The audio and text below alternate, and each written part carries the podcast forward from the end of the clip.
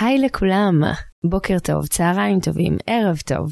אני רוני אוחנה ואתם מאזינים לפרק נוסף של אדם ואדמה. אם אתם חדשים כאן אני אספר לכם שאדם ואדמה זו תוכנית אירוח שעוסקת בחיבור האותנטי שבין האדם לטבע, בהתפתחות, צמיחה, רוחניות, בריאות, ובניסיון להבין איך לחיות נכון את העולם. לא פעם מצאתי שהעניינים מול כסף מאתגרים אותי בצורה מסוימת. הרצון להרוויח ולעבוד במשהו שאני אוהבת, לא פעם פגש בתוכי קולות שחשבו שאולי זה לא נכון, או אולי זה לא מתאים. בפרק הזה אני הבנתי עד כמה ללעבוד במשהו שמכניס בנו חיות ושמחה יש קשר ישיר להכנסה שלנו. והשיח בנושאים האלו הוא צעד מאוד משמעותי עבורי ועבור הרצון ממש לממש את כל החלקים האלה בתוכי. גם את הצד הזה, שכביכול מתעסק בכסף, שזה משהו שפעם הרגיש לי מאוד כמו התעסקות בטפל, או אולי במשהו שהוא פחות לעניין. והיום אני מבינה כמה זה חשוב להערכה שלנו את עצמנו ולאפשרות שלנו לחוות שפע, שהוא כמובן הרבה מעבר רק לפן הכלכלי. אני מרגישה שרובנו צמאים להבין איך לחבר את הידע הפרקטי של איך לעשות כסף יחד עם תודעה מסוימת שמאמינה ויודעת שהיא ראויה לכך. ובדיוק לכבוד זה, הזמנתי את לירון מורגיל לשיח מרתק על איך לחיות בתודעת שפע כלכלית, איך לעבוד עם המושג הזה שנקרא תודעת שפע וחוק המשיכה, ועוד לא מעט דברים ששוחחנו עליהם בפרק. מדובר בפרק סופר פרקטי, עם כלים שממש ניתן להתחיל ליישם כבר החל משמיעת הפרק. לירון היא מייסדת בית הספר לעסקים. היא מאמינה שעסק זה לא דבר מסובך ושהכל הוא שילוב של התשוקה שלנו עם תוכנית פעולה ותודעת שפע. אז יש הרבה למה לחכות. ורגע לפני, שנצלול לתוך הפרק, אני אשתף אתכם שאדם ואדמה מתרחבת וגדלה והיא הופכת להיות בית לעוד הרבה הרבה הרבה דברים שהם מעבר לפודקאסט וזה מרגש אותי ממש אה, ואני גם כמובן לא יכולה לחכות לשתף את זה גם איתכם. עד שזה יקרה, אני אספר שהניוזלטר הראשון של אדם ואדמה יצא לדרך, אז אם אתם אוהבים את העשייה שלי כאן ובאינסטגרם ובפרקים, אז זו פשוט עוד דרך מופלאה עבורי להמשיך לחלוק ולשתף עוד מהתוכן הזה. אה, שהמטרה שלו, גם כמו כל מה שקורה כאן, היא פשוט להמשיך לשתף כלים על איך להיות בריאים יותר, שמחים יותר, מאושרים יותר. אמ, אני אשתף אתכם שבאמת מתוך שלל המתנות שמחכות שם, אז יש שם גם לא מעט מהמאחורי קלעים, מאמרים, שיתופים מהלב, מהמסע ומהדרך שלי, בכל מה שקשור להתפתחות רוחנית ואישית, לעולם הבריאות הטבעית, התזונה הטבעית, מדיטציות מוקלטות, סרטוני יוגה, מתכונים, וכמובן שכל ההתפתחויות של אדם ואדמה יפורסמו שם.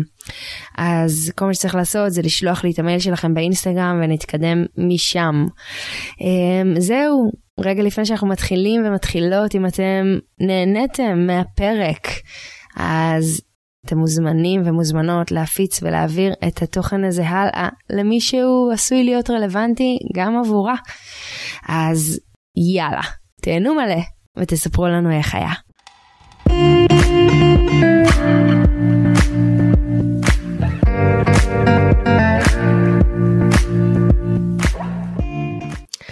היי, לירון מור. היי, מה העניינים?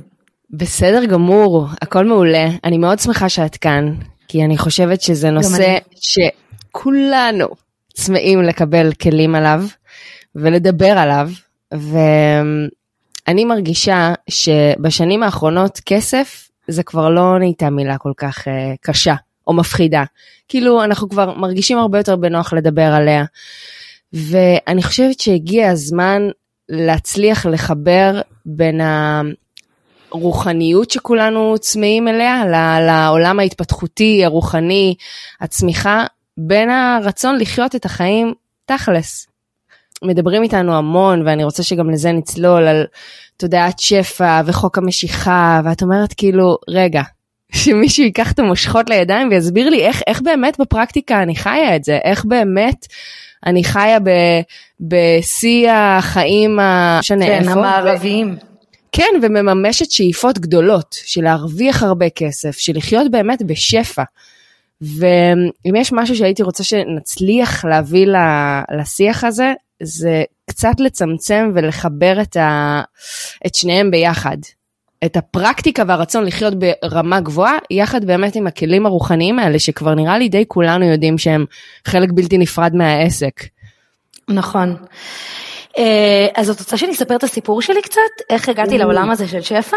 חד משמעית. חד משמעית. טוב, אז אני התחלתי את העסק שלי בגיל 23, זו הייתה ההתחלה המקורית שלו.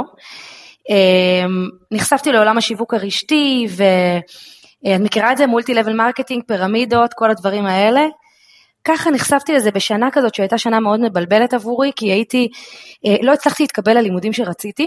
רציתי ללמוד עיצוב פנים, אחר כך הבנתי שעיצוב פנים זה too much מורכב, למרות שאני מאוד אוהבת עיצוב פנים, כנראה זה גדול עליי, ואז הלכתי לעיצוב גרפי, וגם לא, לזה לא התקבלתי, והייתי שם בנקודת כישלון מאוד מאוד גדולה בחיים שלי, ממש מין צומת כזאת, ולא רציתי ללכת ללמוד את הדברים של כולם, כי ידעתי שזה משעמם אותי.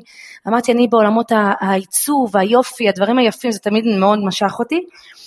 ואמרתי, טוב, עד שאני אנסה להתקבל עוד שנה, שנה הבאה, אז אני בינתיים אה, אעשה כל מיני דברים מעניינים השנה. ואז, כאילו במקרה או שלא במקרה, הגיעה לדרכי ההזדמנות הזאת של שיווק רשתי, וזה היה נראה לי כמו הרעיון הכי גאוני בעולם.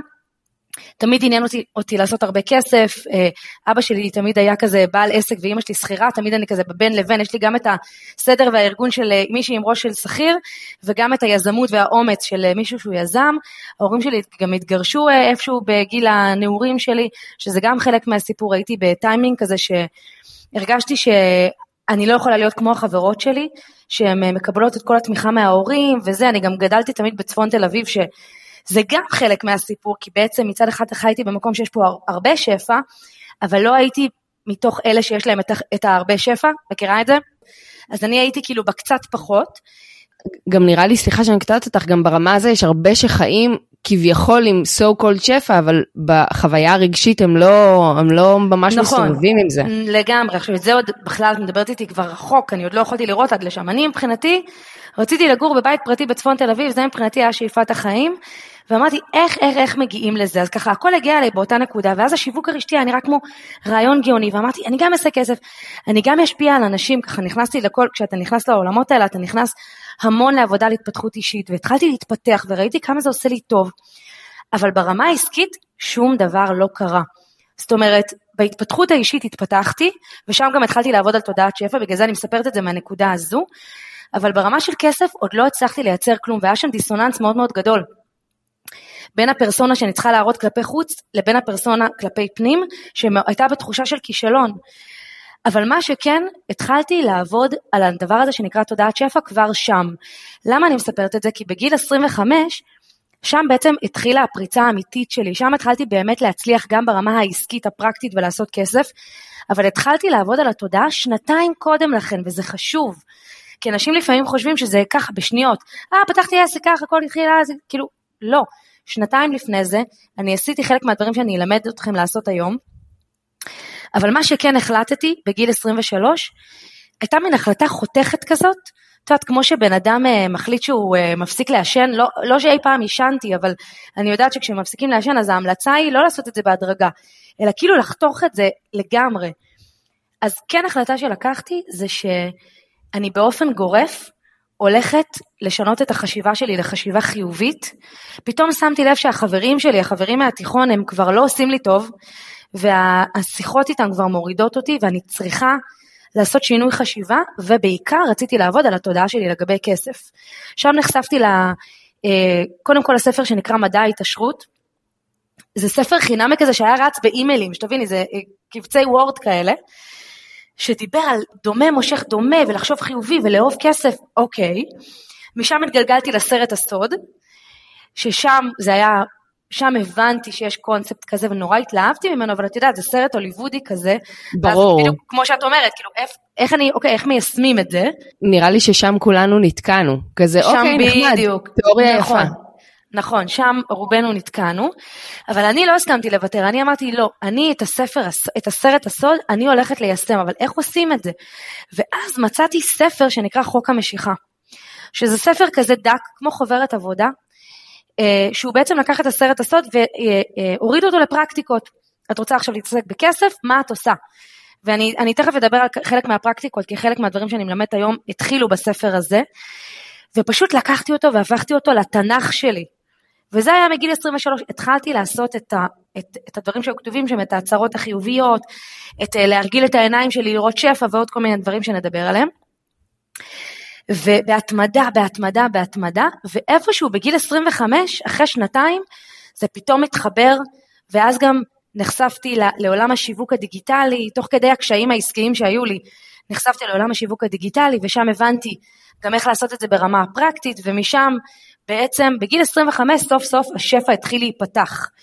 אה, אבל לעולם לא עצרתי להפסיק לעבוד על ה mind, כל הזמן התאמנתי בתודעת שפע. ושמתי לב לאורך השנים, שנים עברו, שנים עברו, היום אנחנו ב-2023, אני כבר קרוב ל-14 שנים בתוך העסק שלי וחיה את העולם הזה של, אה, של עשייה עסקית וכסף ושפע וכל זה, לאורך השנים ראיתי הרבה מאוד מהקולגות שלי איפשהו נתקעים, כאילו אנחנו מתקדמים ואיפשהו אני ממשיכה והם נתקעים. וזה קרה לי עם כל מיני חברים וקולגות. למה? וזהו, וניסיתי להבין, למה אני ממשיכה והם נתקעים? מה הקטע? וראיתי שזה פשוט בגלל שאני כל הזמן עושה וממשיכה לעשות עבודה על תודעת שפע. זאת אומרת, לא הפסקתי להתאמן בזה, אה, כי קורה איזה קטע הרבה פעמים שאנשים מתחילים לעשות כסף כי הם לומדים איך עושים את זה, והם פתאום זונחים את זה, אה, כבר לא צריך את הקטע הזה של התודעה, אה, זה כבר קטן עליי, אני כבר כאילו בליגה של הגדולים. ואז קורים להם כל מיני דברים שכל הזמן מחזירים אותם להתאמן על המקום הזה, כי גם בתוך עסק יש הרבה משברים, גם כשאת מתחילה להתקדם, קורים דברים, אנשים עוזבים אותך פתאום, פתאום משהו לא מצליח. יש הרבה עבודה של mindset, אני לא צריכה לספר לך את זה, המון המון עבודה של לדעת להרים את עצמנו. ולאורך כל השנים האלה התאמנתי, על, התאמנתי והמשכתי להתאמן על זה. אה, ולפני כשנה וחצי הוצאת, הוצאתי את הקורס הראשון שלי בתחום הזה. כאילו תמיד אני לא הייתי מהתחום המנטלי, הייתי כזה בשיווק, מכירות, ופתאום קלטתי שיש משהו שאני עושה שהחברים שלי לא עושים, ובגלל זה אני מתקדמת יותר מהר מהם. או לא רק מתקדמת, זה גם יותר כאילו שמחה בחלקי, באיזושהי שלווה מסוימת, באיזושהי תחושת סיפוק. שאני חושבת ששפע המון יושב על הדבר הזה גם. ביקשנו ממני היום גם קצת לדבר על מה זה, מה זה תודעת שפע, נכון? זה כבר נהיה, נהייתה מילה שחוקה? תקשיבי, זה לא רק שזאת נהייתה מילה שחוקה, את כאילו, לגמרי, כולם מדברים על זה, אבל מרגיש נכון. שקצת כאילו אם רגע נהיה כנים, אנחנו לא באמת יודעים מה זה. כאילו, אם אני צריכה רגע להגיד לך מה זה, אז אני אומרת, אוקיי, אולי כאילו ממש להרגיש שכבר יש לי את הכסף הזה, אבל אז את אומרת, בואי, על מי את עובדת? כאילו, אני לא מאמינה לעצמי. אז מרגיש לי שיש פער מאוד מאוד מאוד גדול בין המילה הממש יפה ומגניבה הזאת, שחלום שלי לחוות ולחיות אותה, לבין מה, מה שקורה בתכלס. נכון, אז בואי נתחיל רגע מלהגדיר מה זה שפע. שפע, כשאני ככה חשבתי וחושבת והרבה מתעסקת בזה, הלכתי גם לבדוק בגוגל, את יודעת, בכזה אבן שושן, אה, ויקיפדיה כזה של ימינו כזה, ושפע זה ריבוי יתר של משהו. זה אומר שיש משהו שהוא לא, לעולם לא נגמר. זה כמו שאני ואת נושמות חמצן עכשיו, אין, אין איזה קטע של טוב, תנשמי עוד שתי נשימות כי תכף, לא יגמר, תכף ייגמר. זה משהו שהוא בשפע, כל הזמן יש את זה. זה כמו שאומרים חנייה בשפע, שאומרים לך כאילו מחוץ לאולם יהיה חנייה בשפע, אז את מבינה בקונספט שהולכת להיות מלא מלא מלא חנייה חינם וללא, לא ייגמר מזה. וואו, איזה תיאור מעולה. נכון? זה אני, תיאור כל כך כן, טוב, כן, כי הוא רק, הוא רק לקח אותי ללחשוב על כמה דברים אני בהפוך, במצוקה של השתי נשימות האלה.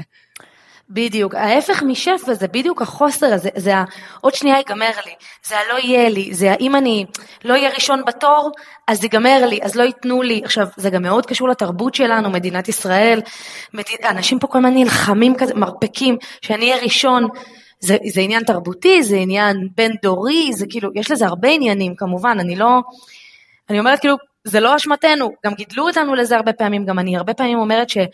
בסוף ההורים שלנו, ההורים שלך ושלי, הם ילדים של יוצאי שואה, פחות או יותר, גם אם ההורים שלהם לא היו, אבל, כן, אבל זה עניין עוד פעם דורי, אז הם גדלו על העניין הזה של יציבות. של רק תגידי תודה שיש לך עבודה שמכניסה לך כסף, את לא באמת צריכה גם להתעסק במה שאת אוהבת, אל תגזימי, אל תסחפי. ותגידי תודה שמחזיקים אותך 40 שנה באותו מקום עבודה, פעם זה היה מאוד סקסי להגיד את זה, היום זה כאילו, סגר איתך את הדינוזאור, כאילו תתקדם, תזוז.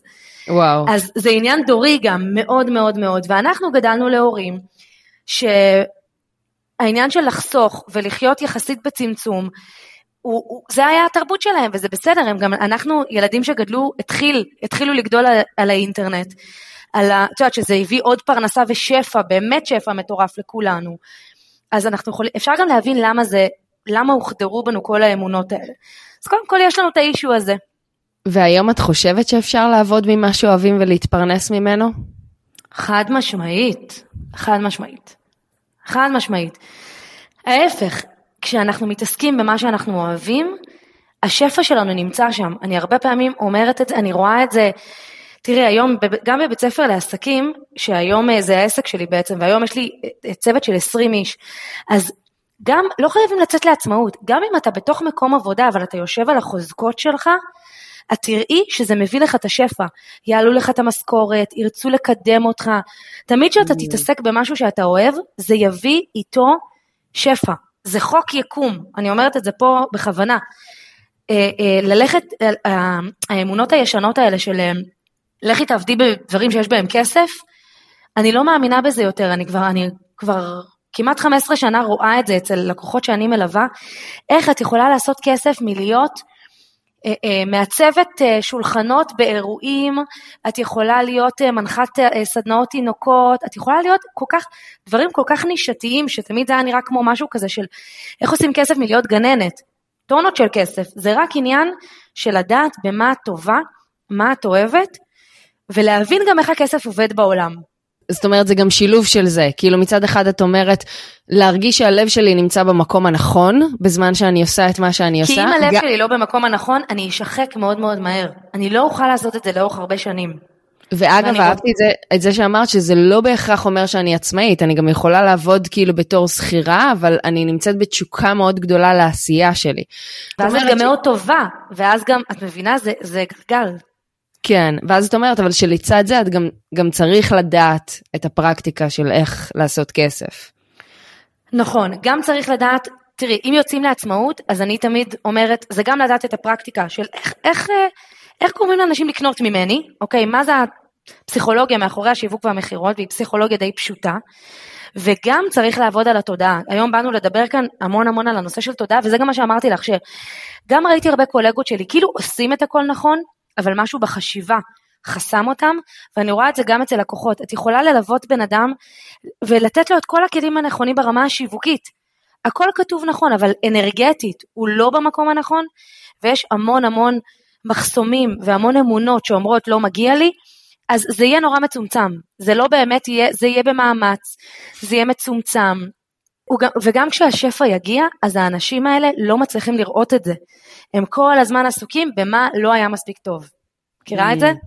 וואו. אז זה גם עניין. עכשיו, הקונספט של הסוד והספר חוק המשיכה ומה ש... ובעצם תודעת השפע, הנוסחה שלה, אומרת ברמה הכי פשוטה, דומה מושך דומה. תתרכזי בלהיות בהוויה חיובית, תודעה חיובית, ליהנות ממה שאת עושה, לתת לעולם, להרגיש שאת משפיעה, שאת עוזרת לאנשים, ותאמיני בזה בלב שלם ותלכי בלילה לישון עם סיפוק ושמחה, השפע יגיע אלייך, כי זה עניין אנרגטי בעולם, שפשוט האנרגיה של השפע והכסף תתמגנט אלייך, ואז זה גם לא, לא יבוא לידי ביטוי רק בכסף.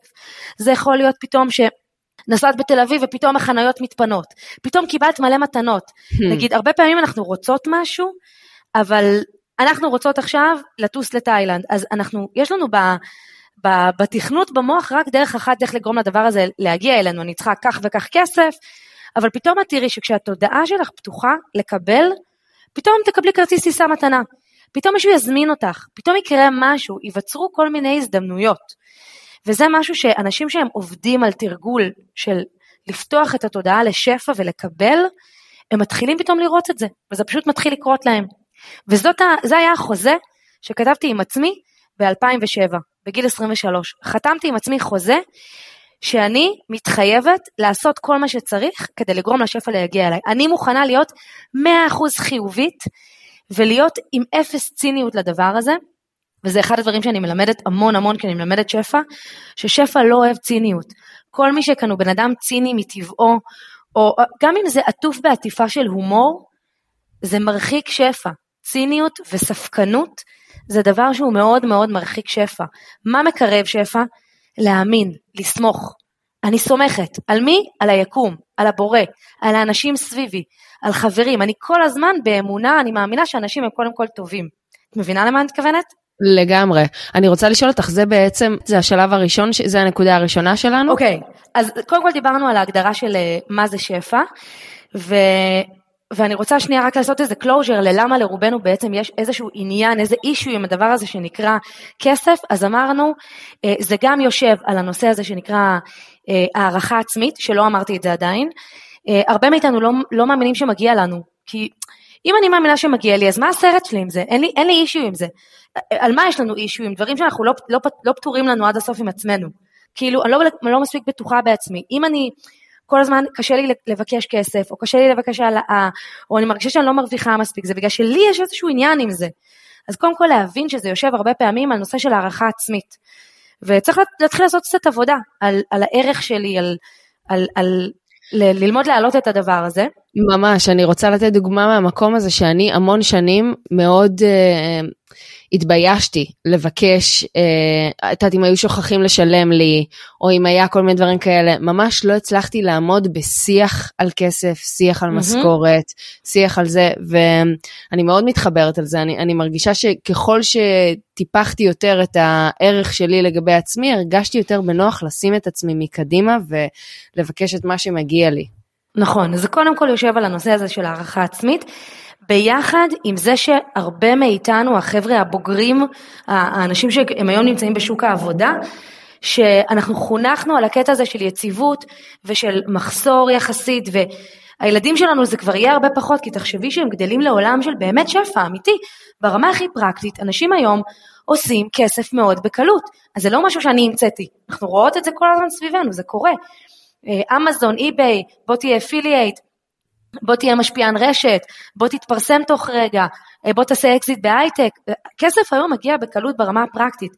אז הילדים שלנו פחות יסבלו מזה, אבל אנחנו צריכים להבין שזה עניין אה, אה, בין דורי שאנחנו כרגע שוברים אותו, ואני החלטתי עם עצמי שאני שוברת את העניין הזה. ההורים שלי, גם אם יש להם את האמונות שלהם לגבי עצמם, סבבה, אני גם לא מנסה לחנך אף אחד, שזה גם משהו שאני ממליצה לאנשים שיוצאים לתהליך עם שפע, לא עכשיו לשבת ולחנך את כולם, לא, צריך לחשוב ככה, חשיבה חיובית, תשחררו.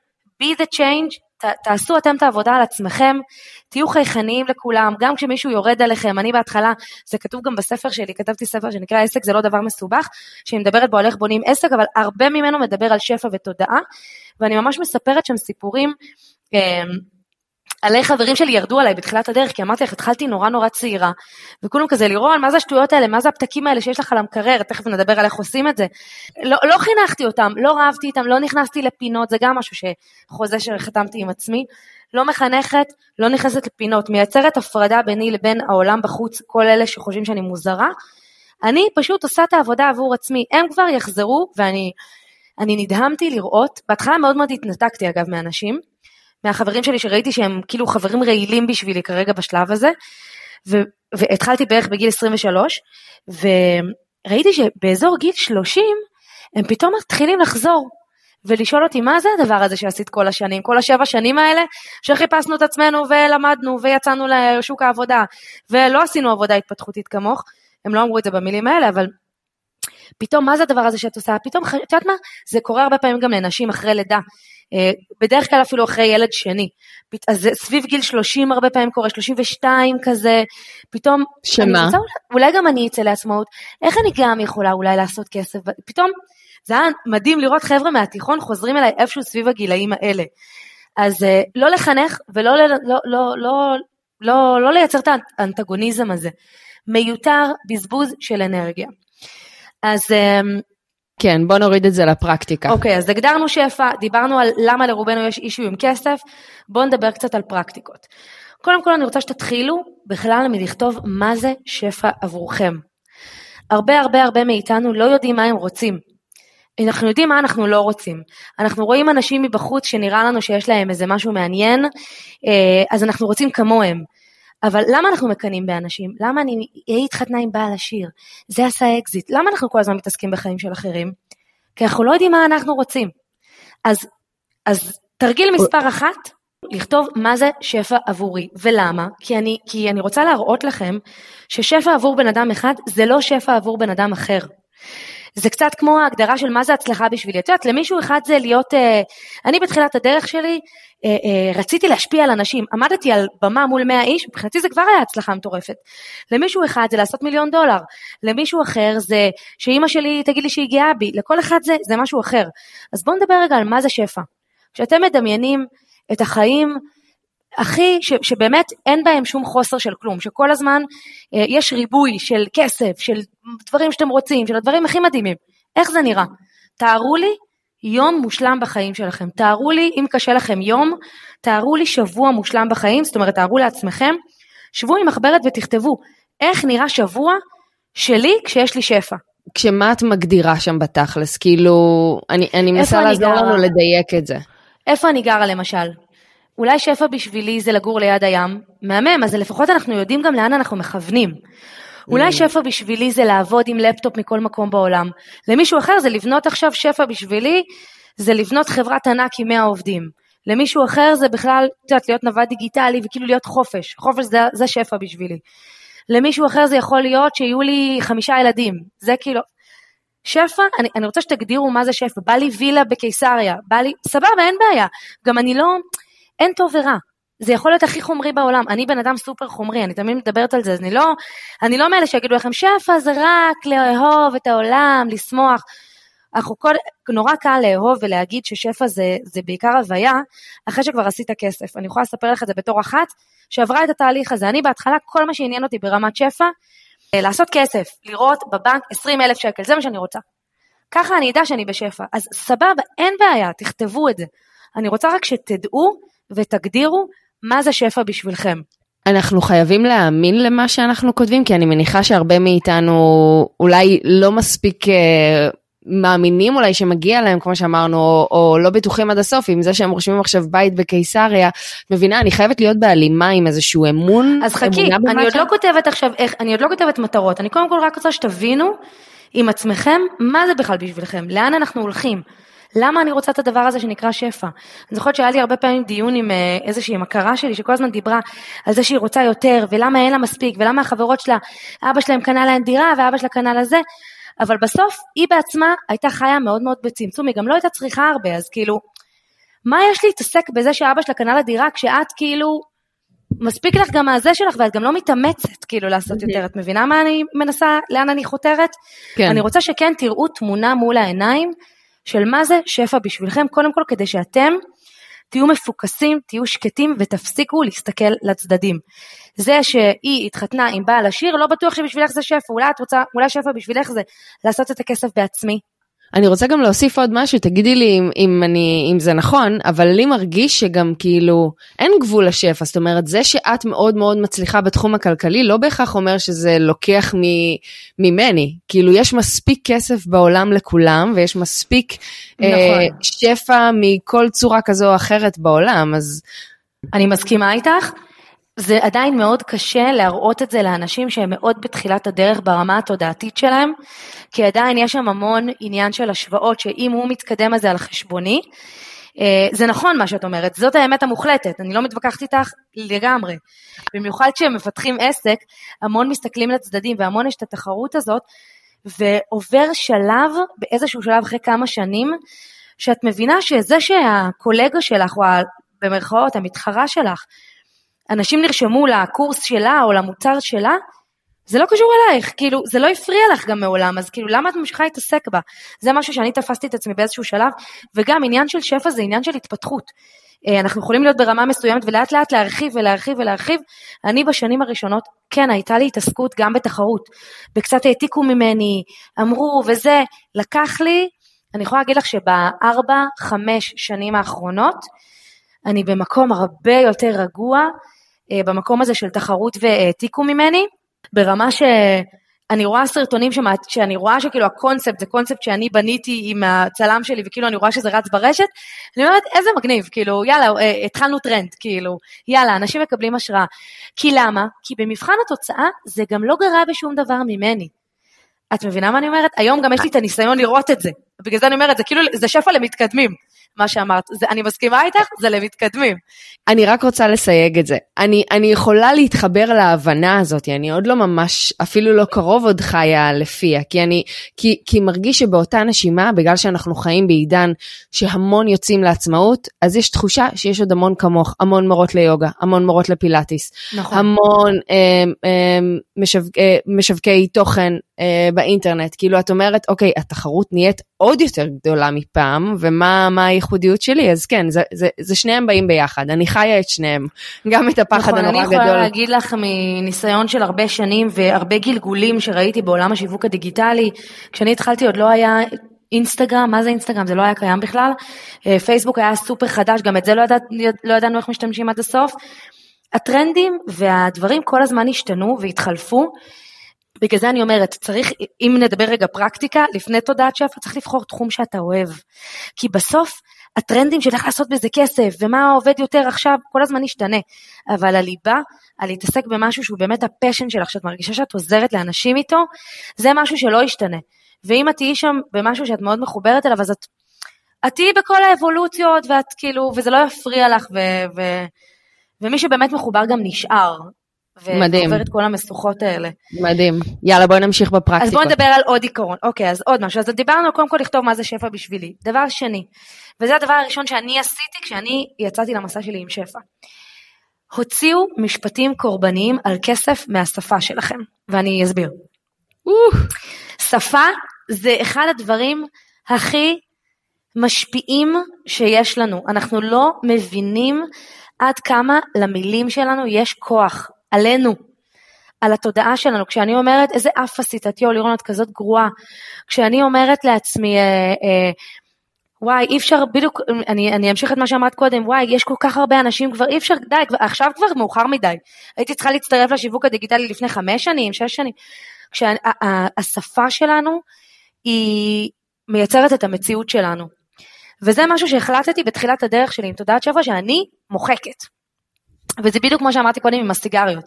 לא חצי, לא סיגריה ביום, לא חצי מילה קורבנית ביום, אני מוחקת.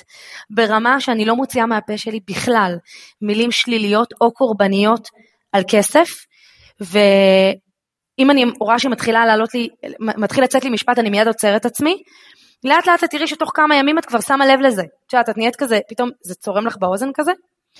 וגם עם עולם מחשבה, מנסה ממש כזה לשים אותה בצד, ו- ולא לתת לה מקום. כאילו זה, זה קצת נאצי כזה, אבל ככה צריך, mm. כאילו אני מרגישה שזה מאוד מאוד עבד לי, ונהייתי פשוט פנאטית לזה, והיום כשאני שומעת דיבור שלילי סביבי, אני ממש אלרגית, אני מתחילה להתגרד בכל הגוף, את תראי שאני כאילו, אני, אני לא בנוח, כי זה כבר מילים שמאוד מאוד זרות לי. אמ, עכשיו אני יודעת שהרבה מאיתנו מסתובבים בסביבה שמדברים ואומרים, אה, אפילו אם עוד פעם אני חוזרת לעניין הזה של ההומור, כי זה הרבה פעמים עטוף בהומור ועטוף בצחוקים, אני החלטתי עם עצמי שאני גם לא משתתפת בצחוקים האלה. לא משתתפת בצחוקים ובדחקות על יואו, כמה קשה כאן לעשות כסף, לא משתתפת בזה. כאילו ברמה וואו, הזאת. זה, זה גם המשפט, כאילו אני, כמה אני שומעת מסביבי, וגם אני נופלת בזה של בישראל אי אפשר לעשות כסף. כאילו, ממש. חוזר על עצמו עוד פעם ועוד פעם ועוד פעם, כל פעם בוורסיות אחרות, וגם את מהבית, מהחברים, מהמשפחה, נכון, כאילו... נכון, נכון. נכון, וגם אני כשאני אומרת שכאילו אבא שלי היה עצמאי, זה לא עצמאים של, של השנה שלנו, עצמאים מפותחים, שכאילו עושים עבודת תודה. זה עצמאים של אה, שנות התשעים, ההוא דפק אותי, ההוא גנב לי, זה היה התדר, זה שאבא שלי היה עצמאי, שכחו מזה שהוא היה איזה אבא עשיר אבא עני, הוא היה כאילו בצד של התודעת שפע. לא, זה כאילו, זה גם אמונות אגב שגדלנו איתם. להיות עצמאי זה חרא, יגנבו ממך מס הכנסה. אני החלטתי שאני לא משתתפת בשיח הזה. לא בשיח על זה שמס הכנסה דופק אותנו, אה, לא בשיח הזה שקשה להתעשר בישראל, לא, לא משתתפת בשיח הזה, אה, ואני נותנת לך עכשיו ממש עוד איזה טיפ כזה על הדרך, אה, במקומות האלה, שאני אומרת לעצמי, למשל, שרצה לי איזו מחשבה שאומרת, אי אפשר לעשות כסף בישראל, תמיד לשים אחר כך את המילה האומנם, כאילו באמת אי אפשר לעשות כסף בישראל? בוא נראה רגע מי עושה כסף בישראל. וואו, בוא מלא. בוא נקבל רגע השראות, בום, את רואה מיליון אנשים, ובואי נלך איתך עוד, עוד, אה, עוד, נרד עוד רזולוציה. אין נשים שעושות כסף, נכון? אנחנו הנשים זה תמיד, כסף זה יותר לגברים. אמרתי, לא, אני הולכת למצוא מודל של אישה שעושה כסף במדינת ישראל, ואני רוצה לראות מה היא עושה. זאת אומרת, זה קיים. אי אפשר להגיד אי אפשר, זה קיים. עכשיו נכון. בוא נראה מה היא עושה אחרת. זה קטע, זה ברור שזה קיים, פשוט העיניים שלנו מופנות לזה שאי אפשר, אז אתה. רק ממשיך כאילו, כן, לראות עוד דוגמאות ועוד דוגמאות ועוד סיפורים על כאלה נכון, שבאמת וזה לא החלק. האנושי שלנו, צריך לזכור, החלק האנושי שלנו הוא תמיד ילך לחוסר. ולמה עוד היה אפשר לשפר, ול, ולאיפה יש פחות, זה עניין שהוא בדיפולט האנושי, אז אם אנחנו מודעים לזה, שזה הדיפולט, אנחנו צריכים ממש להתאמן על כל הזמן לראות את חצי הכוס המלאה, כל הזמן להתאמן על זה, וזה אימון. אם את חושבת שלפני 15 שנה הייתי מדברת בכזה ביטחון, כמו שאני מדברת איתך עכשיו, ממש לא, הייתי צמודה ל... לתרגולים שלי, ואם מישהו היה רגע מערער אותי, את יודעת, אז הייתי נשברת בתוכי ונכנסת לאיזה סערת רגשות, לא מראה את זה כלפי חוץ, אבל עם עצמי הולכת, רגע, יכול להיות שזה נכון, אבל לא, אבל ממשיכה, וכאילו, את יודעת, כמו פנאטית, כאילו פנאטית. אני חושבת שבקטע של שפע זה להיות פנאט.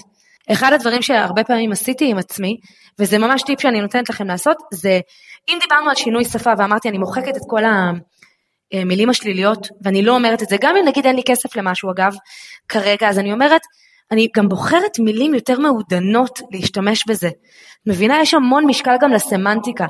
אפשר להגיד, אין לי כסף לזה, זה לא בשבילי, כאלה, ואפשר גם להגיד, אין לי תקציב לזה כרגע. במין נועם כזה, וד... ולהתקדם, כאילו להיות עניינית להתקדם, לא להיסחף לדרמה, כי עניין של שפע זה המון על, ה... על התשומת לב שמושקעת בדבר. אוקיי, כרגע אין לי תקציב לזה, מהמם, לא להתבאס, יאללה, נקסט, בואי, נמגנץ את זה, נשים את זה ברשימת הדברים שאני רוצה, ובואו נתרכז במה שיש לי כרגע. נקודה אז זה מהממת. דבר אחד, כן, זה המון עניין של כאילו דרמה, כאילו דרמה ולא דרמה סביב הדברים. אמ, וגם הייתי כותבת לעצמי הצהרות חיוביות, שזה עוד משהו שאני רוצה ללמד את המאזינים שלנו, אה, שזה בדיוק מה שאמרתי קודם, אבל אני כותבת את זה, אבל זה לא, אני לא מאמינה לזה, אז בואו נדבר רגע על, על איך כותבים אה, הצהרות חיוביות, קוראים לזה אפירמציות חיוביות, מנטרות חיוביות, תקראו לזה איך שאתם רוצים, נראה לי שמנטרות זה הכי קל. אה, ואיך עושים את זה, וזה משהו שממש עשיתי ואני אגב משתמשת בו עד היום עם כל מיני דברים שקשים לי בחיים עדיין, או איזה עניין שאני רוצה רגע לפתור, אפילו עם הילדים, אפילו זה, אני אומרת רגע לירון מה נתפסת, זה לא, זה לא המציאות, בואי תכתבי מנטרה חלופית, תתחילי לשנן אותה יום וליל ותוך כמה ימים זה הופך להיות, זה משתנה. אז איך עושים את זה? אם אני אומרת, אה, למשל, תני לי איזה מנטרה שלילית שלה, איזה אמונה שלילית שלך לגבי כסף, איזה משפט שתמיד עולה לך. וואו. אמ, גם את מה שאמרנו מקודם, שמאוד קשה לעשות כסף. במדינת ישראל? כן, אבל בא לי לתת לנו אוקיי. עוד דוגמה. כן, זה כבר מאוחר מדי לעשות הרבה כסף. אוקיי, אז בוא, אז בוא נתחיל רגע מהקטע הזה של אי אפשר, לה- אי אפשר להתעשר ב, ב, במדינה, או אי אפשר לעשות הרבה כסף אם אתה ב, ב, במדינת ישראל. אז מה שהייתי עושה במקום זה, זה קודם כל נתחיל מהדיפולט הכי דבילי ומפגר. במקום אני לא יכולה לעשות כסף בישראל, אני עושה הרבה מאוד כסף בישראל, אוקיי? פשוט להפוך את זה ממש להפוך. כמו תוכי, כמו תוכי הכי מפגר בעולם. אממה, פה בדיוק נהיה הדיסוננס הזה, כי אנחנו לא לגמרי מאמינים לזה. וזה משהו שלמדתי בספר חוק המשיכה, והתחלתי פשוט לעשות אותו. במקום להגיד את המשפט הזה כמו שהוא בצורה חיובית, הייתי מוסיפה רגש לפני זה. או את צירוף המילים המגניב, איזה כיף זה ש. איזה כיף זה שאני עושה כסף במדינת ישראל. איך אני גאה בעצמי, או מוסיפה איזשהו, איזשהו רגש. איך אני גאה בעצמי שאני עושה כסף ואני חיה במדינת ישראל. Mm. כשאני אומרת את זה ואני מוסיפה לפני זה איזשהו רגש ואני כותבת את זה כן בזמן הווה ואני אומרת את זה ממש, אתם יכולים מול המראה להגיד את זה בבוקר ובערב כזה, להתאמן. אני יודעת, זה קצת דבילי בהתחלה, אבל אני אומרת לכם, הדבילי הזה עשה לי הרבה מאוד כסף ב-15 שנים האחרונות, אז תסמכו עליי, באמת, ממקור ראשון זה עובד, ומה זה צחקו עליי בהתחלה? אבא שלי היה נקרע ממני, כי אני את כל המנטרות האלה הייתי כותבת בפתקים קטנים, ושמה, בהתחלה עוד גרתי אצל ההורים, שמתי אה, על הארון בחדר שינה שלי, ואז למשל, אחד הדברים שנורא רציתי זה שיהיה לי כרטיס אשראי זהב. לא יודעת, זה מבחינתי היה, בגלל זה אמרתי, מה זה שפע בשבילכם? קורע. בחורה, בשביל בחורה בת 23, כרטיס אשראי זהב זה היה רק למיליונרים. עכשיו, את מבינה כאילו כמה זה מצחיק וכמה זה תפיסתי? אז הייתי כותבת, איזה כיף זה שיש לי כרטיס אשראי, זהב, כרטיס אשראי זהב. ואבא שלי היה נגנב ממני, וכאילו מגחך עליי בחמידות, אבל לא נתתי לזה לחדור אליי, סבבה, אני המשכתי עם המשפטים האלה. נגיד עוד משהו שנורא רציתי בתור בחורה בת 23, זה שאני אלך לים, ואני אוכל לשלם את ה-12 שקל על השמשייה ועל הכיסא, שזה לא יהיה משהו כזה, נכון, זה כזה קטע של יש לי כסף לזה, במיוחד בת 23. ברור. איזה כיף זה שאני הולכת לים, ואני לוקחת לי שמשייה וכיסא, ולא חושבת פעמיים. זה בדברים הקטנים האלה, וממש הייתי כותבת את המנטרות החמודות האלה, ופשוט מנסה שהעיניים שלי כל הזמן ייתקלו בהם. אם זה על הארון, אם זה על המקרר. אחד, זה בדיוק סרטון שאני הולכת להעלות מחר אה, לאינסטגרם שלי. אחד הדברים המצחיקים שעשיתי ב-2011, רציתי לעשות מיליון שקל בעסק. אז כתבתי, איזה כיף זה שעד סוף 2011 אני מכניסה מיליון שקל בעסק. העסק שלי היה בן שנתיים, כאילו מהרגע שהוא ממש התחיל כזה להרוויח, ואת הפתק הזה שמתי, גרתי כבר אז בדירה תל אביבית קטנה ומסרוחה כזאת, ושמתי את זה על הדלת של השירותים. את יודעת, זה שירותים כאלה פיצים. שמתי את זה על הדלת של השירותים, כל מי שיושב בשירותים רואה את זה, כולל אני כמובן. אמרתי, לירון, אם את אמיצה, את עד הסוף, כאילו. ושמתי את הפתק הזה, ואני זוכרת שקולגה שלי אמרה לי, אין, לירון, את פשוט מלכה. ונחשי מה קרה בסוף 2011, העסק שלי סגר מיליון שקל. עכשיו זה וואו. נשמע כאילו הזוי, אבל איזה מטורף זה. תקשיבי, זה, זה כמה דברים. אחד, אני אומרת לעצמי, ישר עולה בזה איזושהי בושה או מבוכה, כי באמת אם אני נכון. מתחילה לפזר עכשיו פתקים כאילו, ואורחים מגיעים, וההורים של הבן זוג שלי מגיעים, אז זה קצת, זה קצת כאילו מביך, אבל אותי זה לוקח למקום שזה מביך, כי אולי כי אני עוד לא שמה, וזה כאילו מייצג איזושהי חולשה מסוימת, או... וזה או באמת היה ככה כשאני התחלתי, אני לא הייתי שם, אני כתבתי, אחד, אחד הפתקים היה שאני מאושרת להרוויח 20 אלף שקל בחודש מהעסק שלי, ואני זוכרת שזוג חברים הגיע אליי, זה הודיה עם העסק של השיווק הרשתי שלא הצליח, והם ראו את הפתק הזה והם ממש ירדו עליי, וזה ממש, זה היה וואו. אירוע קשה.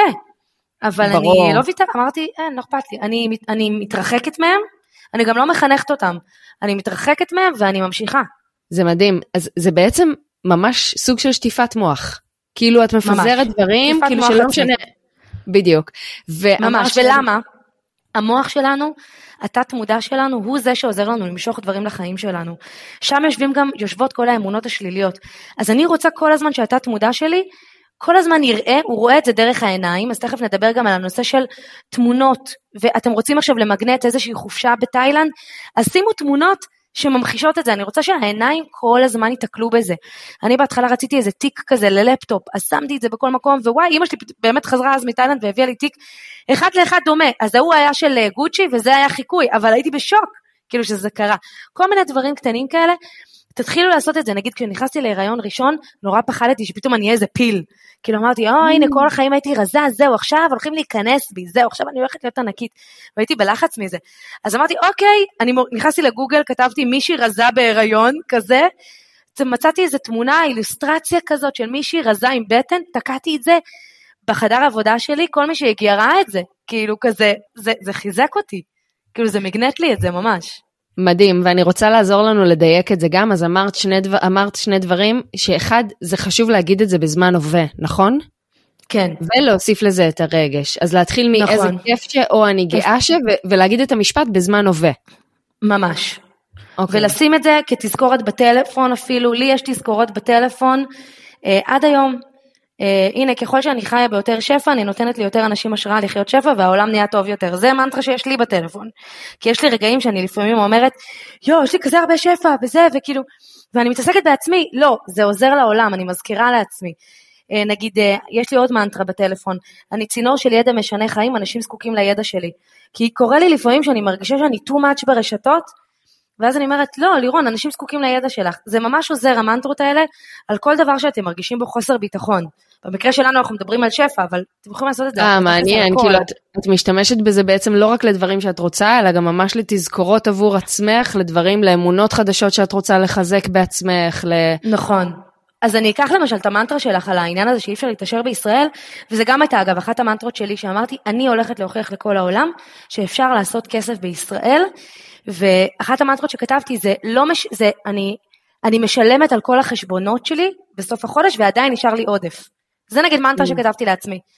ואני נשבעת עכשיו עד עצם היום הזה זה קרה. את מאמינה לי? 15 שנים.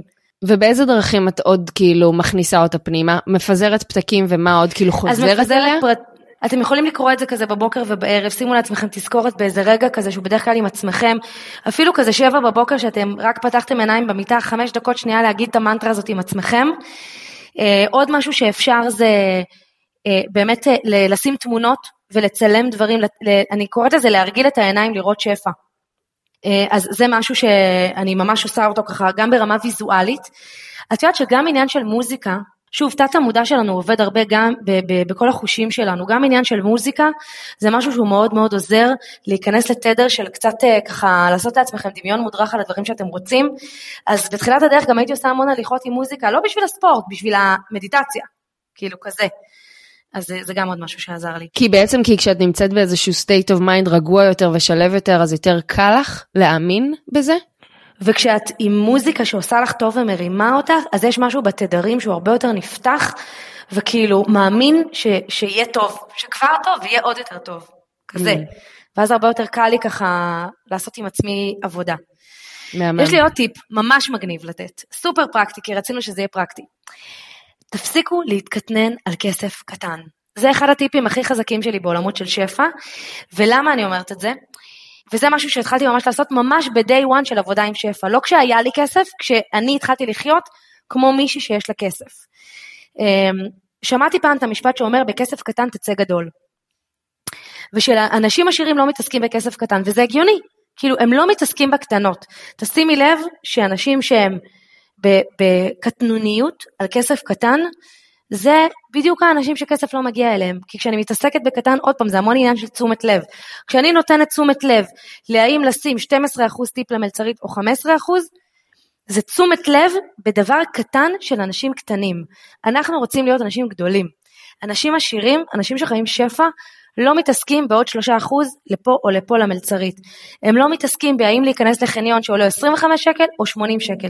אם זה יותר קרוב לאן שאני צריכה להגיע ואני אגיע כמו מלכה, אני אלך ל-80 שקל. כי אני לא מתעסקת בכספים הקטנים האלה. אני מבינה מאוד, ואז אני אומרת, אבל איך אדם ש, שזה, שהכסף הקטן הזה הוא באמת כסף מהותי עבורו, ההבדל בחניון בין 25 ל-80, איך כאילו, איך, איך אנחנו יכולים לחיות את ה... כאילו, איך אנחנו יכולים לפעול ככה, אבל כשבתכלס עבורי זה כן כסף משמעותי. Um, אני חושבת איך אני עונה לך כאילו בצורה נחמדה, כאילו אין לזה תשובה נחמדה בעצם. את כאילו פשוט עושה את זה, את פשוט אומרת, אוקיי, אני אגיד לך מה עזר לי מאוד. אה, אמרתי לעצמי, אני לא אתעשר מעוד 50 שקל לכאן או לכאן. זה כאילו אני מזייפת, אני משחקת אותה כאילו זה לא דרמטי לי ה-12% או ה-15%, אבל בתכלס מבפנים, כי, את מבינה, נכון, אני לא מצליחה להוריד את זה עד הסוף. אבל ל... יש משפט שאני מאוד מאוד אוהבת, שלא כולם מתחברים אליו, אבל אני דווקא מאוד אוהבת אותו והוא עבד לי מאוד מאוד טוב, שנקרא fake it till you make it. לפעמים כשעושים שינוי, we need to fake it, טיפה בהתחלה, לעשות את זה טיפה טכני ומלאכותי, כדי להרגיל את עצמנו, זה עניין של לנרמל דברים, זה כמו ש... כאילו יש דברים לפעמים שלמשל לפני שקניתי את הרכב האחרון שלי, אני החלטתי באיזשהו שלב ככה לפני איזה שנה, זהו אני לא, אני מחליפה, זהו עליתי רמה, לירון עלית רמה, את עכשיו הולכת לרכב יותר יוקרתי. בהתחלה היה לי קשה עם זה, יואו איזה פדיחות, יואו מה ההורים שלי יגידו, יואו, כאילו מה יגידו עליי, זה גם יושב המון על זה. ואז אמרתי, רגע, כדי לנרמל את זה לעצמי, אני צריכה להפוך את הדבר הפייק הזה, שהוא עדיין רחוק ממני, למשהו שהוא יותר קרוב אליי, להפוך אותו לנורמה, כאילו למשהו נורמטיבי. אז אני הולכת לנסיעת מבחן, אז אני מתחילה להסתובב כאילו במקומות, זה כמו שאגב, לפני שעברתי לבית שאני גרה בו היום, גם אמרתי לך, היה לי חלום לגור בבית פרטי בצפון תל אביב. זה היה מבחינתי הגשמת החלום. וגם היה לי נורא מביך, מה, ההורים שלי גרים בדירות כל החיים שלהם, מה יהיה? נכון? כאילו, איך הם יגיבו? מה יגידו? לירון עפה על עצמה? לירון זהו, היא כבר לא משלנו, כבר מה יגידו עליי? הייתי צריכה טיפה to fake it, לזייף ולראות מה האנשים שגרים בבתים פרטיים, איך הם נראים. פתאום את רואה שהם אנשים רגילים כמוך. כאילו את מתחילה להסתובב בשכונה הזאת ואת אומרת, הם סתם אנשים כמוני, כאילו אין עניין, זה פשוט לעשות את הצעד. להתחיל ללכת לראות בתים, כמו שאני רוצה. להתחיל ללכת לראות מכוניות, להתחיל לעשות אה, אה, אה, נסיעות מבחן. לאט לאט את תראי שבנסיעת מבחן השלישית שישבת על אאודי, ואז ישבת על אלפה רומאו, ואז ישבת על וולבו, פתאום זה נראה לך נורא נורמלי. כאילו, אה, אוקיי, זה נורא נורמלי לי. אז זה גם טריק, אני ממש אומרת את זה, אני ממש כאילו מעלה סטנדרט, אני עושה את זה כזה פייק, ואני מרגילה את עצמי שזה ייראה לי נורמלי. אני הרבה פעמים כשאני נמצאת בסיטואציות, נגיד פוגשת אנשים מאוד עשירים, אני כאילו, זה מרגיש לי נורא רחוק ממני. אני אומרת כאילו, וואו, כאילו איך הם, איך הם שם? מה זה הדבר הזה שם? וזו תחושה שהייתי רוצה לסגור את הפער לשם, כאילו כמו שאת אומרת, זה אפשרי עבור כולנו. אז את הפער סוגרים על ידי תרגול, זה כמו שכאילו, את יודעת, כמו לחדר כושר, אני רוצה להיות שם, אני רוצה שיהיה לי ריבועים בבטן, זה עניין של תרגול, אז גם את התודעה שלנו ואת התפיסה שלנו, את עצמנו, אנחנו חייבים לתרגל, אז עושים את זה בצעדים קטנים. אז קודם כל אני עוברת לדירה קצת יותר חדשה, פתאום אני, פתאום אני כבר כזה מתרווחת בה והיא כבר נראית לי סטנדרט. אחרי זה אני עולה עוד משהו, אבל אני כן צריכה בהתחלה לעשות את הצעדים האלה שהם לפעמים יהיו לכם קצת fake it till you make it. אני אומרת לכם שתוך שלוש פעמים כשאת נכנסת לחניון ואת פתאום רואה, כי אחד הדברים שאמרתי לעצמי, ואני עד היום ככה, אני מאוד בעניין של אה, שפע מאוד בא לי עם העניין הזה של קלות. של להקל עליי, של לעשות לי את החיים יותר זורמים, שפע יש בו זרימה. אז אנשים שאת יודעת ילכו לשלושה סופרים שונים, כי כאן קונים ירקות כי זה יותר זול, ושם קונים את הזה כי זה יותר זול, זה חיים נורא קשים, ואנחנו רוצים לחיות שפע. אנשים שחיים שפע, החיים שלהם הרבה יותר זורמים. יש הרבה יותר זרימה, אז כן, שילמתי יותר 80 שקל או 100 שקל בסופר, אבל כמה זמן זה חסך לי? כמה היה לי יותר כיף? איזה חוויה הייתה לי? אבל מה האמצע מבחינתך בין היכולות הכלכליות שלי באמת לבין הרצון לחיות, או, או to fake it, להיות באיזושהי תודעת שפע? Um, האמצע הוא להתחיל בצעדים שעושים לך, שהם לא כאילו יותר מדי, שאת מרגישה בהם זיוף מוחלט וקשה לך. לאט תתחילי לאמן את עצמך בדברים הקטנים, ולאט לאט את תראי, אני יכולה להגיד לך גם מניסיון של 15 שנים שלי של עבודה עם תודעת שפע, מעולם לא קרה לי, ואתם יכולים לקחת את זה כ-case study עבורכם, מעולם לא קרה לי ששמחתי על היקום ואמרתי, אני הולכת על זה כמו מלכה, והיקום בגד בי, וכאילו, ו- וזה נדפק והפסדתי את כל הכסף שלי, זה אף פעם לא קרה לי. תמיד כששמחתי ואמרתי, וזה עוד משפט שאני רוצה ללמד אתכם ברשימת הטיפים שלנו, איך האדם שאני רוצה להיות היה עושה את מה שאני עומדת לעשות, תמיד כששאלתי את עצמי את זה והלכתי עם האדם הזה שאני רוצה להיות, שטס ביזנס, בסדר, אז לא ב-day one שלי טסתי business, אבל בסדר, אחרי כמה שנים שאני כבר וואלה מרוויחה כסף, אני אומרת, איך האדם שאני רוצה להיות היה עושה את מה שאני אמורה לעשות, אני טסה עכשיו לכנס עסקי, אני טסה business, גרנט קרדון, שזה מישהו שנגיד הייתי עוקבת אחריו מלא, הוא היה טס business, זהו, אני הולכת לעשות את זה. אף פעם הדבר הזה לא גרם לי לרדת מנכסיי. אני אומרת לכם את זה כאן, קחו את זה כ-case study. זה לא יקרה, כי כשאת כל כך סומכת, אז היקום מתגייס אלייך. אבל זה בסדר, אני מאוד מבינה שלא ב-day one את טסה ביזנס. את מאמנת את עצמך. אז בהתחלה את uh, כבר לא מחפשת חנייה בכחול לבן 10 שעות ואת נכנסת לחניון. הנה צעד ראשון.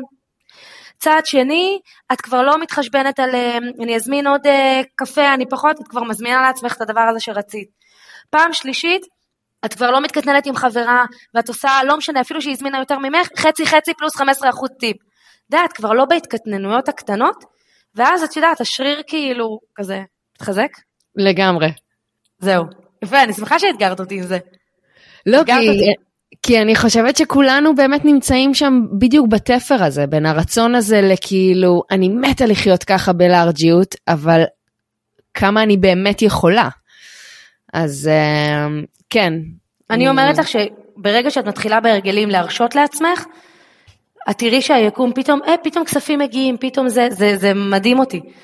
זה, זה באמת באמת קורה, ודיברנו על זה ככה לפני השידור, שנדבר קצת על קורס השפע שלי, על Rich Mind, אז אני רק אספר שכשאני הוצאתי את הקורס הזה, לא ידעתי, כאילו, לא, לא, אף פעם לא הוצאתי קורס מנטלי.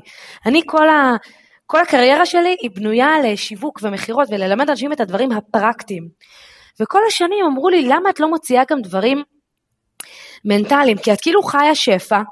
יש אנשים אחרים בחוץ שמלמדים את זה, אבל זה לא נראה אמיתי, כי הם כאילו, הם לא חיים את זה עד הסוף.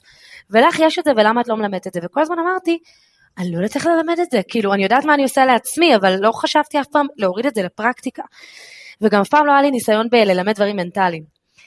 ואיכשהו הקורונה הובילה לזה שאמרתי, כאילו אמ-, אמרתי אוקיי יאללה בוא נעשה את זה. וזה אילץ אותי ככה להוריד את זה לפרקטיקות ואני מאוד חששתי. חששתי להוציא את הקורס הזה ואגב אחת הסיבות שזה קורס שעולה 297 שקלים והוא באמת נגיש לכולם סיבה אחת זה כי אמרתי אוקיי זה המתנה שלי לעולם זה באמת שפע יאללה אני רוצה שכל בן אדם ש... שלא יגידו לי אין לי כסף לזה אל תחרטטו אותי יש לכם 297 שקלים כדי ללמוד איך לחיות שפע אבל גם כי ביני לבין עצמי לא ידעתי אם זה יעבוד על אנשים אחרים, mm. כמו שזה עבד עליי. כי ידעתי שלי היה משהו מאוד מאוד אה, נדיר שאני באמת שמחתי במאה אחוז. כמו שאמרתי לך, אני באתי פנאטית, אמרתי, אני, אין, אין, אין דרך אחורה, זה הולך להצליח. ולא ידעתי אם כולם יבואו עם רמת המחויבות הזו, ומה שגיליתי, זה שזה פשוט מטורף, אני אפילו לא, אני לא נתתי לאנשים את הקרדיט כמו שהם באמת.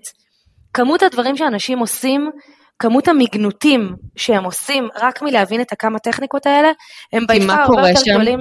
כי הם פשוט, הם, הם פועלים לפי הדברים האלה, לפי חלק מהטיפים שדיברנו ועוד תכף טיפים שאני אתן, ובעצם הם מצליחים להוריד את המילה הגדולה הזאת שנקראת The Law of Attraction, שאנחנו מדברות עליו, לחיים, חיי היומיום.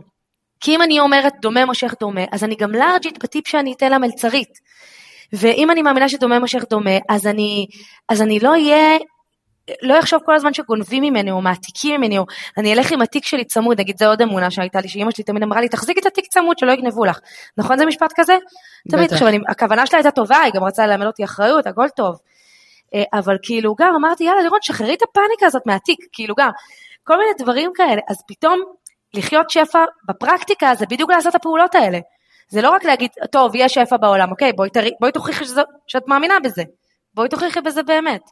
אני חושבת שהמילה הוויה כאן היא כאילו נורא גדולה, אבל היא נורא נכונה, כאילו ממש להתנהל בעולם באיזושהי נינוחות מסוימת. בדיוק. שפע יושב המון על נינוחות. וזה תרגול, כן. באמת, אני לא, שלא תחשבו שביום הראשון צריך להיות נינוחים ושלווים לגבי הדבר הזה, כאילו אתם עושים את זה 20 שנה. לא, זה לוקח זמן אה, לתרגל את זה, אבל זה אפשרי. יאללה, אז בוא נמשיך עם עוד טיפים. אז הנה, אני רואה שכן הטיפ של להרגיל את העיניים, לראות שפע. אה, אגב, אני רוצה להגיד על זה עוד משהו.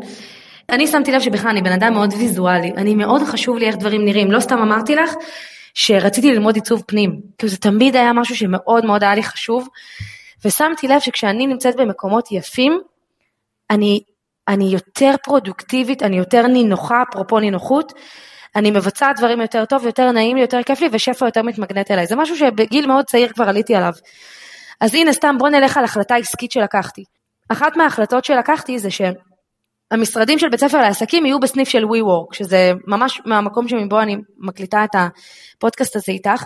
למה? כי המקומות שלהם הם מאוד נעימים, הם מאוד יפים, הם מעוצבים, הם עושים אווירה טובה. ולי זה חשוב, אני מוכנה לשלם יותר מבמשרד מכוער, קירות לבנים, הכל מתקלף, אבל חסכתי עוד כמה שקלים. מעדיפה לשלם יותר, אבל להיות בסטייל. זה משהו שגם מאוד יושב על העולמות האלה של שפע. ו... וזה משהו שיושב גם כן על, ה... על ההרגל הזה שאני רוצה שתתרגלו אליו. להרגיל את העיניים לראות שפע. כשאתם יושבים במקומות נעימים, במקומות שעושים לכם טוב, במקומות ש... שמייצרים לכם איזושהי נינוחות, אתם ממגנטים שפע, אתם יותר פרודוקטיביים גם ברמה הפרקטית. אז גם אם זה עולה לכם יותר, אז תעשו את זה. בדיוק, זה מחזיר לנקודה שממנה התחלת את הכל, שאמרת, אם אני נמצאת במקום, בעשייה שעושה לי טוב, כיף לי איפה שאני יושבת, נעים לי איפה שאני יושבת, אז השפע מתחיל להתמגנט לזה. הוא מתחיל להתמגנט לזה, לגמרי. והטיפ האחרון שאני אתן, אמ, הוא קשור, האמת שהוא קשור בכלל לחיים, אבל גם לעסקים. החליטו לפעול מהר יותר ובצורה החלטית יותר, ואני אסביר למה אני מתכוונת. כמו שאמרתי ששפע לא הולך ביחד עם ציניות, אז שפע גם לא הולך ביחד עם התמהמהות, והמון המון המון התלבטות. אנשים שהם כל הזמן מתלבטים, שהם המון על הגדר, שהם מאוד הססנים. למה הם הססנים? למה הם מתלבטים? כי הם בספק. מפחדים לקחת את ההחלטה הלא נכונה, נכון? כי אולי אני אבחר לא נכון. זה יושב כל הזמן על פחד. כשאני מונעת מפחד, שפע מתקשה להגיע אליי. כשאני כל הזמן מתמהמהת והמון בודקת כל דבר עשר פעמים, זה גם משהו שהוא מעכב את השפע. שפע, עוד פעם, תזכרו ששפע מגיע עם זרימה. לא סתם מעיין שופע, תזכרו, זה מגיע עם זרימה. אנשים שרוצים להכניס יותר שפע לחיים, הם צריכים ללמוד להחליט יותר מהר, להיות יותר החלטיים, להיות יותר, יאללה, מתקדמים, יאללה, החלטנו, החלטנו, לא משנה אם זו החלטה הנכונה או לא, כי בסוף אנחנו לא באמת יודעות אם החלטה שבחרנו היא נכונה או לא. אני אומרת, עדיף להחליט, גם אם זאת הייתה טעות, יאללה, נגלה שזה טעות, נתקדם להחלטה הבאה. אבל אנשים שיושבים המון על הגדר, השפע גם מאוד מאוד מתקשה להגיע אליהם, בגלל שהם לא סומכים, כי עוד פעם, זה, זה עוד פעם יושב על אני לא סומכת על עצמי, אני לא סומכת על הזה, מבינה מה אני אומרת? לגמרי. כאילו, הכל חוזר לאותו עניין. וגם מה שקורה מזה, לפחות מהחוויה האישית שלי, זה שהספק רק גדל. התחלתי עם ספק לגמרי. מסוים, וככל שאני מושכת ומושכת ומורחת את הזמן, אני כבר, אם, אם בהתחלה עוד היה בי טיפה אמון שהדבר הזה יצליח, כאילו, נכון, כבר, כבר לא נשאר כלום חוץ נכון, מספק. כי הימנעות תמיד מגדילה את הפחד, תמיד. עדיף, אוקיי, יאללה, לעשות צעד אחד, ללכת עם הפחד, ופתאום ככל שאת מתקרבת, את מבינה שזה לא כזה מפחיד. כאילו, גם בעסק, כאילו, לחתום על אה, שכירות למשרד, אימא'לה, זה לחץ. ואז פתאום חתמת, אוקיי, השמיים לא נפלו, אוקיי, התחלנו. ואז פתאום את יודעת, גם כוח האנרציה גורם לך לייצר דברים. זה היה גם לפני הכנס הראשון שהפקתי, אני זוכרת כזה, כי גם הלכתי כמובן על משהו גדול, כי אני גם באמת, יש בי הרבה את האומץ הזה. 138 אלף שקל הוא עלה לי, כאילו, הייתי. שלוש שנים בעסק שלי, כן, כאילו כבר העסק הזה עשה כסף וזה נתן לי מאוד ביטחון, אבל עדיין קפצתי, כאילו, שכרתי מקום וזה וזה, ואני זוכרת את הצ'ק הזה שאני רושמת, אימא'לה, חרדות, איזה פחד, ובסוף כאילו את רואה שזהו, חתמת על הצ'ק, יאללה, את מתחילה בעשייה, את מתקדמת, והדברים כאילו הם לא כאלה מפחידים בסוף. אני חושבת שאין אחד ממי ששומע או שומעת אותנו כרגע ולא לא יכולים להזדהות עם איזושהי תחושה שהם עמדו בפני איזה משהו שהיה נראה נורא נורא נורא מפחיד, ואז אחרי שחצינו אותו היינו כזה, אה אוקיי, זה לא היה כזה מפחיד. נכון, אז אה, אולי זה תזכורת טובה להמשך. אה, לגמרי. מדהים, אני רוצה לשאול אותך אם בא לך לתת לנו איזה טיפ קטן לסיום, אולי על איך אה, למשוך כסף לחיים שלנו, איך אנחנו יכולים להיעזר בחוק המשיכה. אה, אז קודם כל, כל מה שדיברנו עד עכשיו, הוא קשור לחלוטין לכסף, ואני רגע רוצה לעשות את זה שנייה חזרה. אמרנו כמה דברים, כתבו מה זה שפע עבורי, אוקיי? קודם כל לדעת מה אנחנו רוצים בכלל. להוציא משפטים קורבניים על כסף מהשפה שלנו באופן מוחלט, ממש, כאילו, ממש ככה לתפוס את עצמנו, להפסיק להתקטנן על כסף קטן, להרגיל את העיניים שלנו לראות שפע, להיות במקומות שעושים לכם, נותנים לכם השראה. וחמש, זה להחליט לפעול מהר יותר ובצורה החלטית יותר. אז כל הדברים האלה דיברנו עליהם, ואם נדבר ככה נקודתית נקודתית על כסף, אני אתן עוד איזה טיפ ש... תראי, הוא, הוא היה מאוד רלוונטי ל-2007 כשאני התחלתי, בואי נראה איך אנחנו מתאימות אותו ל-2023, אבל אה, כש, כי ב-2007 עוד היינו עובדים הרבה עם מזומן, היום המזומן התרחק מאיתנו, אבל אחד הטיפים, בגלל שאנחנו רוצים להרגיל את העיניים לראות שפע, אחד הטיפים שהייתי עושה זה, תמיד דואגת שיהיה לי כסף מזומן בארנק. זה תמיד נותן תחושה של יש לי. כאילו זה, עוד פעם, זה נשמע מפגר, אבל כמו שזה מפגר, ככה זה עובד. להרגיל את העיניים, אה, אה, כל הזמן לראות שיש לי מזומן, זה היה משהו שלי מאוד מאוד עוזר. אה, אז צריך לחשוב איך, איך אתם עושים התאמות ל-2023, אבל יש לי עוד משהו שיתאים גם לזה, שזה עוד טיפ שאני נותנת בקורס Rich Mind, שזה תרגול, זה אבל תרגול למתקדמים. ללמוד לשחרר... אנחנו מוכנים. אנחנו מוכנים. אה, ללמוד לשחרר כסף באהבה. כי הרי אם אמרנו שהשפע הוא אינסופי, נכון ששפע זה ריבוי יתר של משהו, אינסוף, אין, תמיד יהיה לי עוד כסף, אז ללמוד גם לשלם על דברים באהבה, ולא בכזה, כמו שהיו מלמדים אותנו לכתוב צ'ק, ב, ב, אה, אה, בלבד, למוטב בלבד. למוטב בלבד, קרוסים, רק שלא הוסיפו לך עוד אפס, או פאניקה.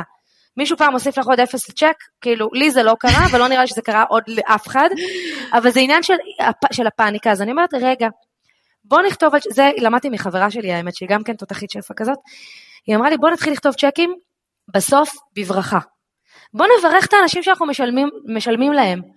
וזה רלוונטי גם לתקופה שלנו, גם אם אתם לא עובדים עם צ'קים, גם כשאתם מעבירים כסף בביט ובכאלה, שימו איזה לב, שימו בברכה. כי אם זה לא בן אדם שאתם מכירים, אם זה מישהו שזה אז כאילו באהבה, איזה, איזה כיף זה. כאילו, וואו. אני לא מתבאסת, אני, וואי, אני משחררת לך את הכסף שלי באהבה, שהוא יעשה רק דברים טובים אצלך. וכאילו, אני אומרת לכם שרק זה מביא לכם כסף באוטומט. זה גם תרגיל, אגב, שאני עושה להם בקורס. זה דבר מדהים, כי אני אומרת, גם ככה את תשלמי את הכסף הזה עכשיו. נכון. כאילו, את, את קונה משהו שאת צריכה. אז במקום לי, לעשות את אותה פעולה באנרגיה של, איי, איזה באסה שעכשיו אני משלמת את הדבר הזה, וכאילו ממשיכה אה, לפמפם תודעה של חוסר, אלא כאילו אולי רגע להוריד את הכתפיים, לקחת נשימה עמוקה, לשלוח את הכסף ולהגיד, מדהים, מאותו המקום שאותו מדהים, אני שלחתי מוציאה את זה על משהו שכל כך חשוב לי, ויעשה לי כל כך טוב, איזה כיף. כי עוד ממש. פעם, שפע יושב על הוויה, על תדר, על אנרגיה. זה כל מה שזה, על תשומת לב, על כמה אני משקיעה תשומת לב בדברים חיוביים שקשורים לכסף, או בדברים שליליים שקשורים לכסף. זהו. זאת כל התורה, נשבעת לכם, זאת כל התורה. מדהים. אבל ניישם את זה בפרקטיקה, זהו. אני רוצה להודות לך על השעה המטריפה הזאתי. איזה ממש. ממש. מה זה כיף. ואת רוצה שאני אגיד לך מה אני לוקחת מהפרק? יאללה. כבר עכשיו. אני אומרת yes. לך שאיך שאנחנו סוגרות, והיום אני עושה את זה, אני הולכת לעשות לי vision board של כל התמונות, דברים שאני חולמת ודברים שאני רוצה, אני הולכת להדפיס, ממש לראות אותם, את החופשה הספציפית, את, את הדברים שאני רוצה לראות בעסק, את ההכנסה, ואני הולכת להדפיס את זה ולשים לי כאן, פה בבית. מדהים. בדיוק, במקום שאת תראי אותו, לא להכניס אותו לארון. במקום בולט, גם אם זה חדר שינה ולא צריך בסלון, בסדר. במקום שאני עוברת על המראה, על זה, כאילו כאלה. אני, אני, אני על זה, ואיך שאנחנו מסיימות את ההקלטה ואני לוחצת stop record, אני, אני מקדמת את זה. יאללה, אז מושלם, שלחי לי תמונה. אני אשלח לך. לירון מור, תודה רבה רבה רבה. באהבה גדולה, היה לי כיף. כיף שהייתם איתנו עד עכשיו, ואם נהניתם מהפרק הזה ומצאתם בו ערך, אז תעבירו אותו הלאה למי שהתוכן הזה עשוי להיות רלוונטי גם עבורו או עבורה. ונתראה בפרק הבא.